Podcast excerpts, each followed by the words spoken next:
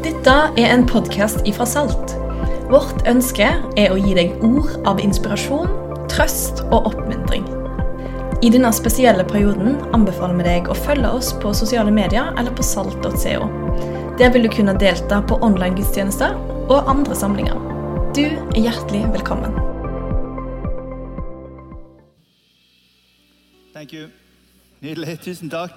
Skal vi takke disse for uh, det fantastiske jobben de gjør?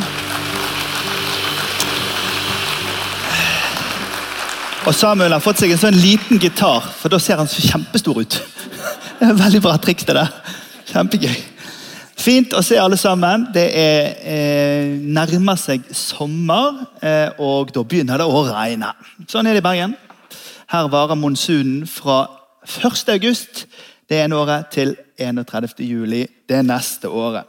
Så er det opplett innimellom. da. Så eh, Jeg skal snakke i dag om det å komme i form, så jeg håper at du er klar og at du har en notatblokk. et eller annet sånt som det. Det er jo allerede noen som sikkert har telefonen sin oppe og følger med på en EM-kamp. Det må jeg bare leve med. Jeg har eh, vært forkynner gjennom en del mesterskap før, og eh, folk har sagt eh, oh yeah og amen på helt feil steder. Eh, Fordi at de følger med på noe annet enn det som jeg gjør. Men jeg, jeg lever med det. Jeg holder ut. Det er mange invitasjoner dere, til å komme i form eh, i samfunnet vårt. Treningsstudioene de vet hva de skal si til oss for å si Kom, følg dette programmet. De som skal få oss til å spise sunnere, de vet hvis du gjør dette. Eh, hvis du går på dette studiet, så blir du jo sykepleier. Det er, ganske, det er en ganske logisk eh, årsak og virkning-ting, det å komme i form. Du utsetter deg sjøl med et bevisst valg for eh, en stang med vekter på, eller en diett, eller whatever, og så får du ut den formingen. Fordi du bevisst plasserer deg i hendene på et program. eller sånt. Dere er med på den logikken, sant? Men det fins også en annen type påvirkning som er mer ubevisst, som jeg har lyst til å trekke din oppmerksomhet til her i begynnelsen. Fordi at når årene går, eh, så er det sånn at det, det vi lytter til, det vi scroller på på eh, telefonen, det vi tar med oss i studiene, det vi leser, det vi blir påvirket av, som vi gjerne ikke på en måte eh, er så bevisst rundt, de tingene de bare sniker seg på en måte inn, og så flytter de troen vår og meningene våre og kunnskapen vår. Og Alt er ikke av det, av det dårlige, men det, vi trenger en bevissthet rundt at vi påvirkes mer enn vi tror. Min bestefar han eh, var eh, bonde, eh, og når jeg var hjemme hos han på 80-tallet, da jeg var ungdom, barn var jeg jeg husker Min sønn spurte meg en gang levde du på 80-tallet. Det hørtes jo ut liksom som juratiden. ikke sant? Var det dinosaurer da?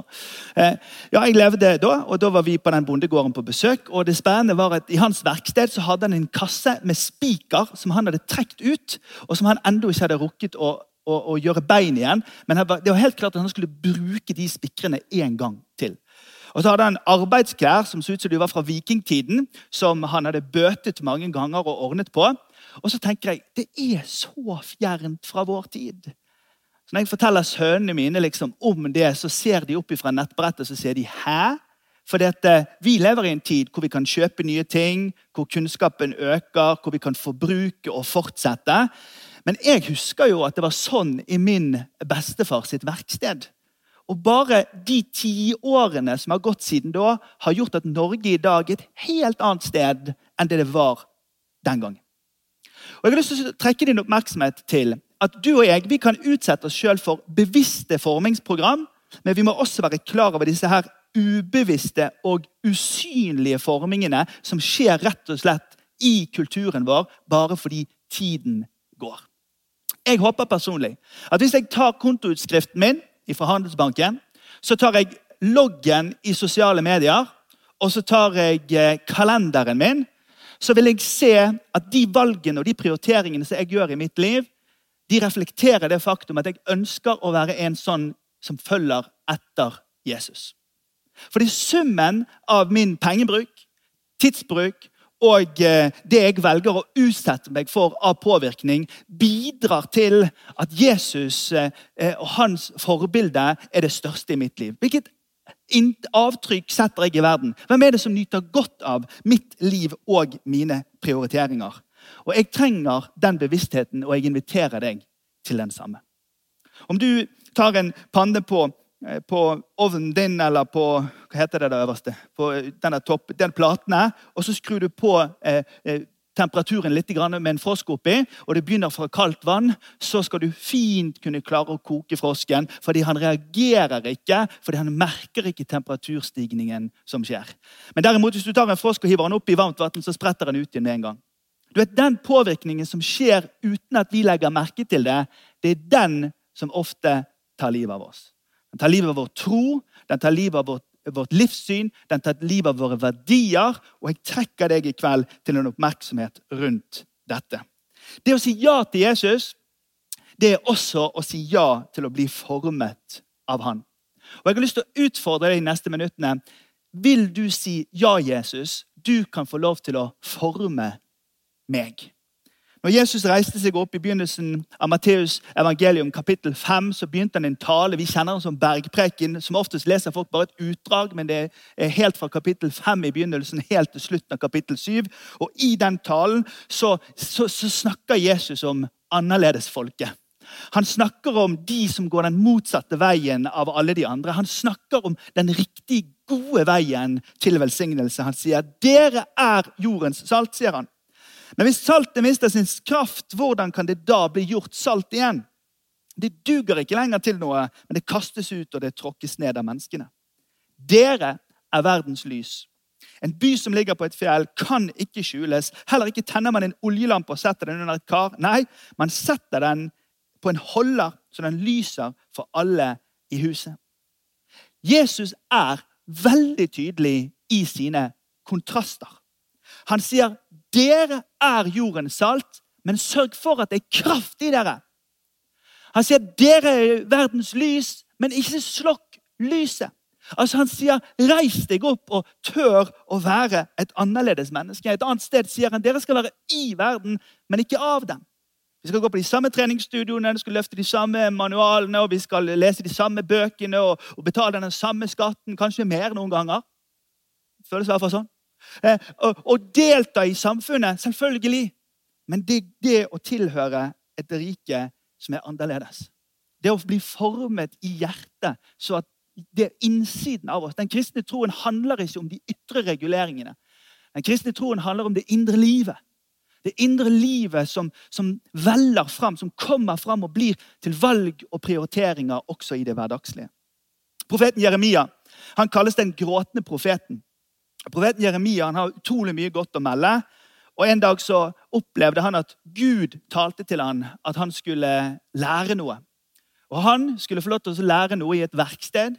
Sånn som jeg lærte det med spikrene fra bestefaren min, så skulle Jeremia få lov til å lære noe i huset til en pottemaker. Og Vi leser hovedteksten for i kveld, som er fra Jeremia 18, vers 1-6. Stå opp og gå ned til pottemakerens hus. Der skal jeg gi deg der skal jeg la deg høre mine ord. Så gikk han ned til pottemakerens hus, og han sto og arbeidet med dreieskiven. Og Det var et sånn rund dreieskive sånn som dette. Og når karene holdt på å lage av leire, ble mislykket i pottemakerens hånd, så laget han det om til et annet kar, slik han syntes det var riktig. Da kom Herrens ord til meg. Israels hus, kan ikke jeg gjøre med dere slik som denne pottemakeren gjør med leiren, sier Herren. Se, som leiren i pottemakerens hånd, slik er dere i min hånd. Det er Treningsstudioene de vet det. Ideologene de vet det. Religiøse ledere de vet det. De som programmerer TikTok, de vet det. Du og jeg er formbare. Men det at vi er formbare, betyr ikke at vi automatisk finner riktig form. Så nå er du privilegert i kveld fordi du får lov til å være i et miljø hvor vi er oppegående, tenkende, vi bruker god pedagogikk i et trygt miljø og sier 'Hør Herrens ord'. Han inviterer oss til å komme til et sted hvor vi blir bevisste på den formingen som vi utsetter oss selv for. Fordi du kan la være å være bevisst, men da blir jo du bare sånn som de andre. Men hvis du retter deg opp i ryggen og klarner hodet ditt og varmer hjertet ditt og sier, 'Gud, jeg overgir meg til din hånd', og så lar jeg dine hender komme på den leirklumpen og være med å forme mitt liv. Jeremia han opplever at Gud viser han en illustrasjon Og illustrasjonen den er 'Gå til pottemakerens hus, og så skal jeg lære deg noe'. Det pottemakeren gjør om morgenen når han kommer til verkstedet sitt, er at han har med seg en kurv eller et eller annet greier å, å frakte ting i. Så går han ut i, i, på jordet eller til leirstedet, og så har han en streng eller en spade, og så skjærer han ut råmaterialet som han skal ha til arbeidet sitt den dagen. Så tar han det med seg, frakter det inn i verkstedet sitt.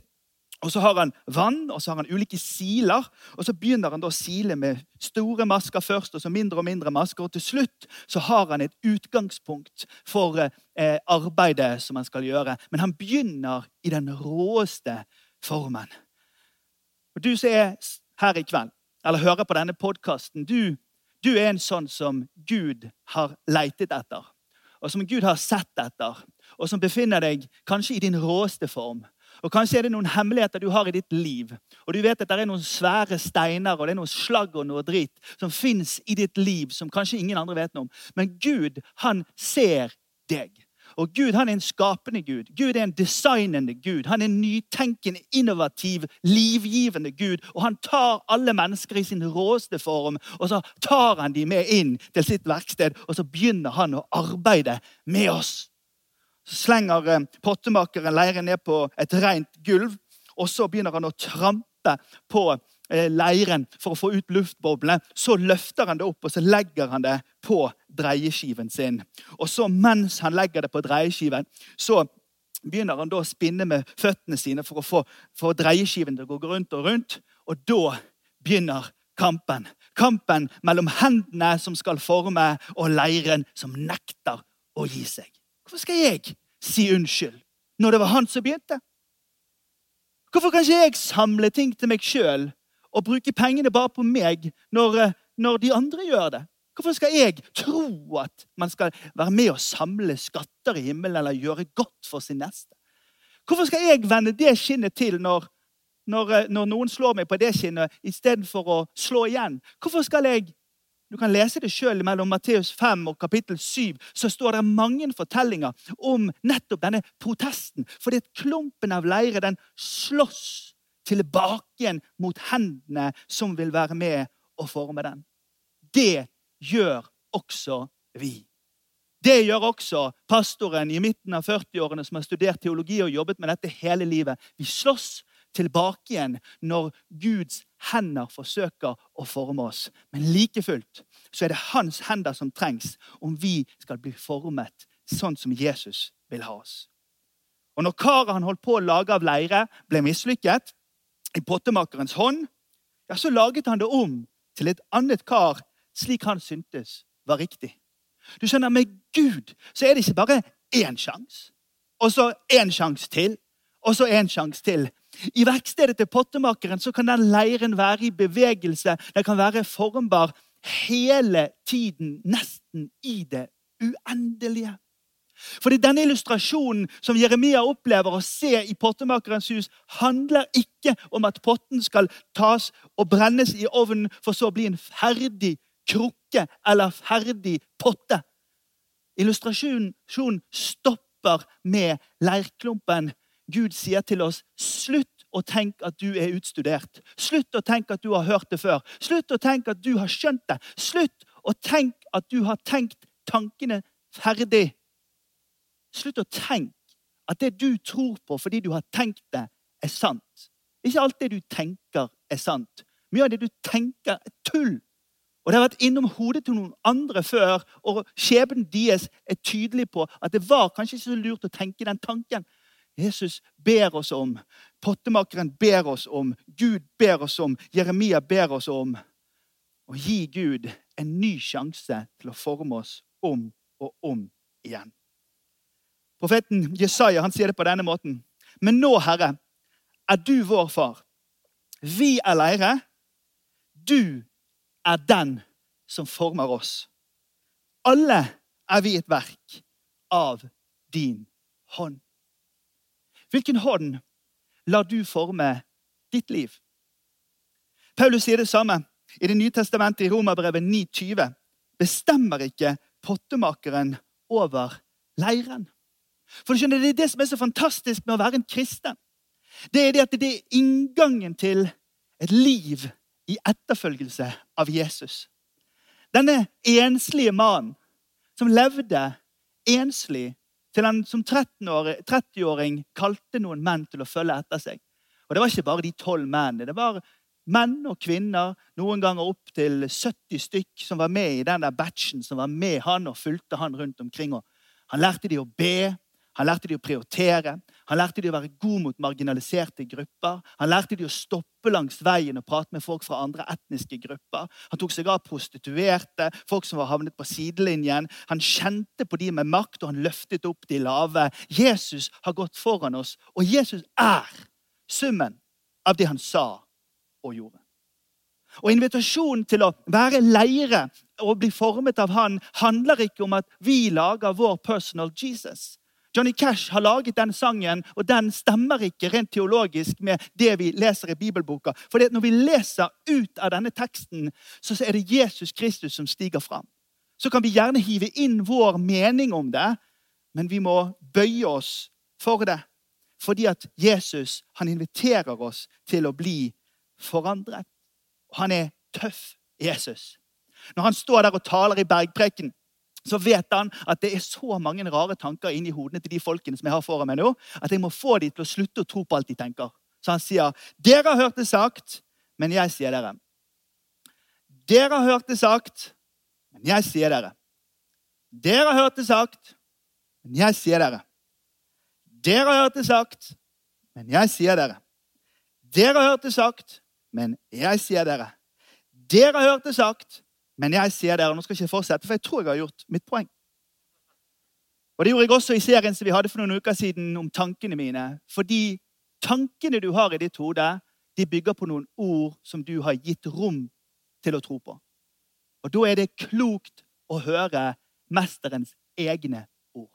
For det er så mange ord som har lyst til å snike seg inn og bli tankebygninger i hodene våre. Og det Jesus gjør i denne eh, teksten som vi leser i Bergpreken, og det pottemakeren gjør i sitt verksted, det er at han, har, han, han klemmer på leiren. Følger du med på illustrasjonen nå, så er det i den ene hånden som ligger på vårt liv, det er den hånden av Guds ord. Det er ordet som kommer til oss og hjelper oss. I dag morges når jeg forberedte meg til, til denne eh, dagen på, på jobb, så, så, hadde jeg en ekstra lang tid i forberedelse og bønn. Og jeg bare kjente jeg var nesten overgira når jeg kom hit. Jeg måtte si til en medarbeider at jeg er litt overtent før gudstjenesten i dag, så bare hold meg ansvarlig. Fordi at jeg preker til meg sjøl like mye som jeg preker til deg. Guds ord er levende. Det er virkekraftig. Det forvandler vårt liv hvis vi tillater at det er det ordet som kommer inn og preger oss. Så lever vi i en kultur hvor eh, oppmerksomhetstiden som man nå regner for ungdom under 20 år, er 17 sekunder på smarttelefonen. 17 sekunder. Når jeg studerte, så regnet vi grovt sett at en fireåring kunne følge med i fire minutter, en tiåring i ti minutter og en 15-åring i 15 minutter. Det var sånn, det var tommelfingeren. Vi er på 17 sekunder. Vi blir, vi, blir, vi blir oppdratt til å avvise det som kjeder oss, rett foran oss. Vi bryr oss ikke om heltene og forbildene. Det er underholdningsverdien vi søker først og fremst. Vi blir totalt gjennompreget til å avvise og sveipe videre. Ikke se etter content, men se etter underholdning. Og alt dette usynlige dere, det preger oss. I Silicon Valley gir de ikke smarttelefon til ungene sine, de som lager disse programmene. De har eh, leire og kitt og pil og bue på skolen fordi det er en usynlig kraft som påvirker oss. Så kan vi se på det og tenke ja, vi må jo henge med. Og så kan vi se på det social dilemma, og det var jo mange som jeg kjenner, noen i dette rommet også, som så det og sa at nå skal jeg slutte med hele Internett. Uken etterpå så var de logget på igjen. Fordi det, det fins en usynlig kraft som vi må være klar over. For hør, folkens, når gavmildheten vår går ned, så ser vi samtidig at eh, privat forbruk går opp. Når gudstjenesteoppmøtet i Norge går ned, så ser vi samtidig at fritidsaktivitetene øker. og Til slutt har vi vært på hver eneste nut på hele Sør-Norge bare på en sommer. Og Når vi ser at bibelbruken går ned, så ser vi at vi leser krim som aldri før. Vi trenger å bli med til Pottemakerens hus, for i Pottemakerens hus så lærer Jeremia hvordan forming skjer. Da kom Herrens ord til meg. Det som skjer med Jeremia, er at han ser at Gud er en Gud som tar råmateriale og foredler det. Og du og jeg kan se at han tar oss i vår råeste form og foredler oss. Og Så legger han det opp på dreieskiven sin og begynner å forme det. Og han ser hvordan hendene klemmer omkring leiren, og leiren kjemper imot. Og det er der vi er i våre liv. Vi kjemper med sjalusien og konkurransen og kjærlighetssorgen og grådigheten og selviskheten og narsissismen. Å være en kristen det er å ta den fighten på en daglig basis og tillate seg å være i varmen av Guds formende hender. Herre, gjør meg trygg, gjør meg ydmyk, gjør meg god. Lær meg tålmodighet, gjør meg langmodig, overbærende og full av kjærlighet. Alt dette som vi i bruddet i hjertet vårt egentlig ikke bærer, blir formet fordi hans hender former oss. Og Dette kan vi intellektuelt studere i religionshistorie eller interkulturell forståelse, eller til og med på teologistudiet. Så kan vi lære disse tingene her oppe. Men da kom Herrens ord til meg. Og Det er en forskjell på det å ha et intellektuelt, rasjonelt forhold til en bibeltekst, eller opplever at nå taler Gud. Jeg er så glad for at jeg har vokst opp i en tradisjon som er pentekostal. Og Det betyr at vi tror at Ånden er virksom. En spiritualitet som, som sier at Gud han hvisker til oss, han taler til oss. Han er til stede og gir oss. Det er det som skjer med Jeremia når han står her. Han er ikke på forelesning. Han er i et møte med dette som hører her i dag. Dette som jeg ser her i dag, det angår mitt liv. Og jeg sier til de som er single, bruk ikke tiden på å leite etter den rette. Bruk tiden på å bli den rette. La ikke ditt blikk ut handle om hva du skal ha, men la ditt blikk være inn til hva Gud kan forme i deg, så at du er en overbærende, tålmodig, vennlig og kjærlig person som kan gi deg selv til en annen når du en gang finner den som du ønsker å dele livet ditt sammen med. Den kristne troen handler om forming i sin essens. Og Derfor er det så viktig at vi forstår at istedenfor å skrive kommentarer og kronikker hvor vi går løs på tingene som skjer ute i samfunnet, at nå ser det stygge ting på TV, og folk fester for lenge, og det er for mye drikking, og seksualmoralen er på vei åt skogen, så kan vi bli full av regler som gjør at folk bare tenker vi er en moraliserende gjeng. Men den kristne livsanskuelsens kjerne handler om å gi seg sjøl hendene til Han som har skapt oss. Han som vet at vi alle sammen er ute av form, men som inviterer oss inn til å komme i form. Se, som leiren i pottemakerens hånd, slik er dere i min hånd. Jeg har aldri, og jeg kan si dette med hånden på hjertet, vært redd for Gud. For at jeg har vokst opp i en tradisjon som har lært meg at hos han finnes det alltid nåde. Hos han finnes det alltid en ny sjanse. Hos han finnes det alltid en ny dag. Hos han finnes det alltid en vei tilbake til veien. For det å være kristen det er å leve også med erkjennelsen av at man er synder og rettferdig samtidig, som Martin Luther sa. Det at vi eier dette fallet på innsiden. Og Det er derfor det blir så tullete når vi tenker at vi skal være en ferdig potte en dag. Ja, nå har jeg, nå har jeg studert nok, nå har jeg lest disse bøkene, nå, nå kan jeg alt. Men tar du en potte og slipper den i bakken, så knuser den. Og Da er det bare skår igjen, og så kan man ikke forme det. Illustrasjonen går ikke til ferdig potte. Illustrasjonen slutter med at vi er leire i Herrens hånd. For det er når vi reiser oss opp i vår intellektuelle arroganse, og vår religiøsitet og det at vi tar eh, 'nå er jeg ferdig'-dato på oss, ja, det er da vi skriver de hardeste ordene imot våre meningsmotstandere. Det er da vi, vi havner de største konfliktene med de menneskene som er omkring oss. Det er da vi slutter å vende det andre kinnet til. Det er da vi slutter å være slike som står i møte med mennesker med en fleksibilitet og står med et varmt hjerte innenfor Gud. I 2. Korinterbrev kapittel 3 så snakker Jesus om, unnskyld, Paulus han snakker om at når vi er i Guds nærvær, og vi ber til han og vi er sammen med han, Sånn som jeg hadde i stuen vår hjemme i dag morges. Når jeg er med Gud her alene og jeg ber til Gud, så er det som om jeg er i et nærvær av Gud. Og Noen ganger kjenner jeg det påtagelig, andre ganger så må jeg bare gjennom det. Men greien er bare at jeg tror på et metafysisk nærvær av den levende Hellige Ånd i mitt liv.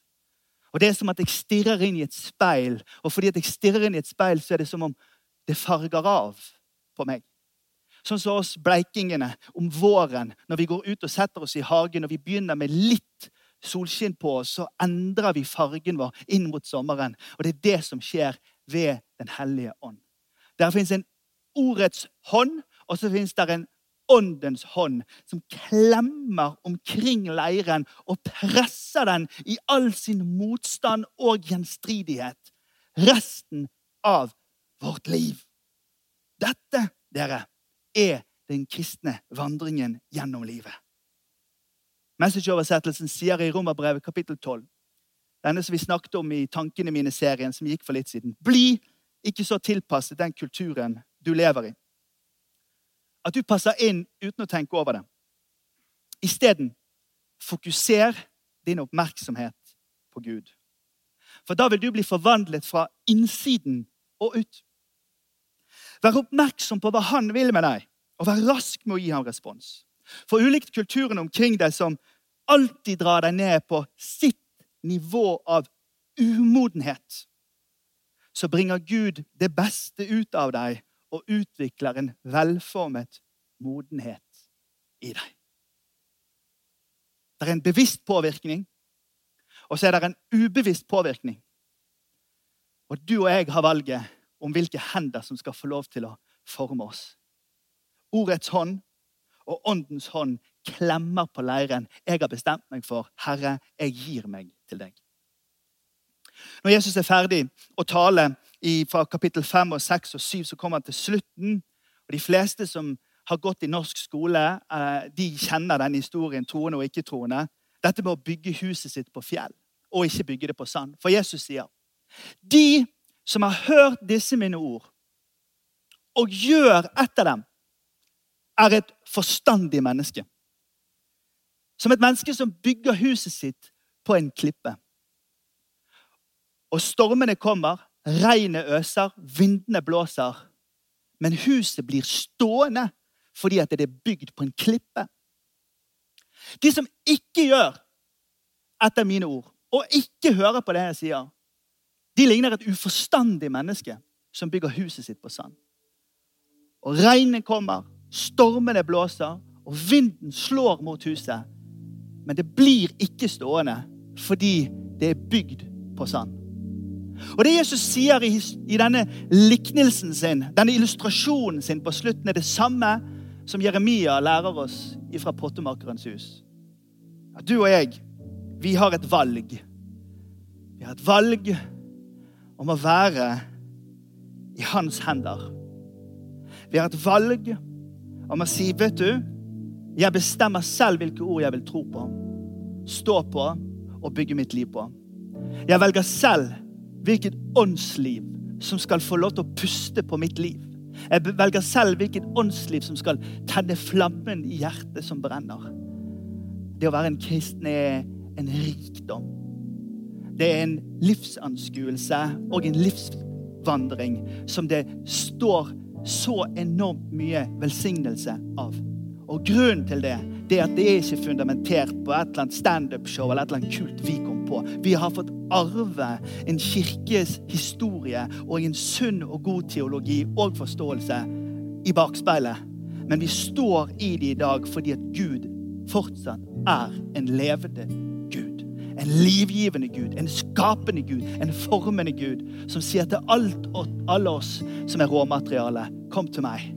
Bygg livet deres på et trygg grunn. Velg å la dere forme av meg. Skal vi reise oss opp, og så skal vi be sammen. Takk, Herre.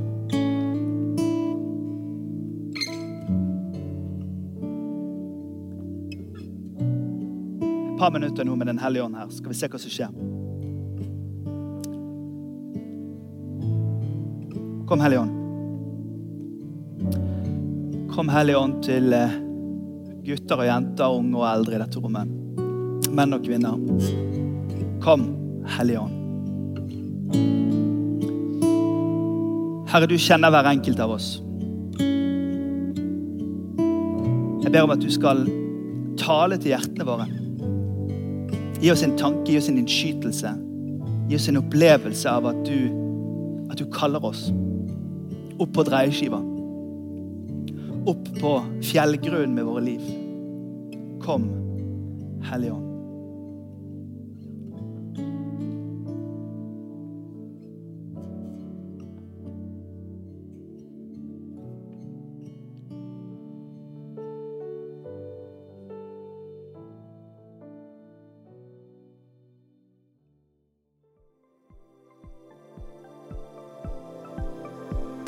Du hørte på. Velkommen tilbake til neste podkast og til alt som skjer online framover.